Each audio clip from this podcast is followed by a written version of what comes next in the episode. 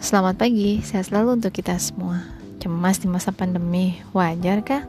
Cari aktivitas yang dapat mengalihkan energi kecemasan. Cemas pada dasarnya adalah perwujudan energi. Kecemasan dapat dialihkan pada aktivitas lain yang lebih produktif. Tiap orang punya cara khas untuk mengatasi kecemasan. Cara ini disebut dengan mekanisme coping.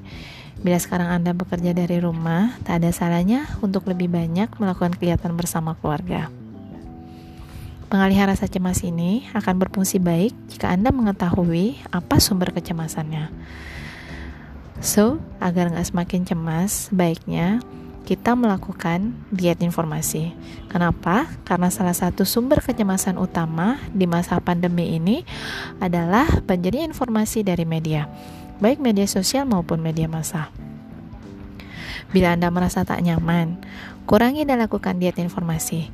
Bila Anda membutuhkan informasi terkait pandemi, akses saja beberapa sumber valid seperti data WHO misalnya. Abaikan informasi dari media sosial yang berpotensi menjadi informasi hoax terkait pandemi ini. Ajak orang terdekat Anda untuk melakukan hal yang sama. Yuk, lawan COVID-19 dengan jiwa yang sehat.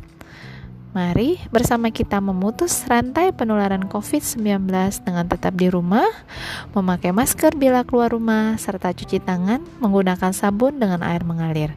Hindari kerumunan dan tetap jaga jarak minimal 2 meter. Terima kasih.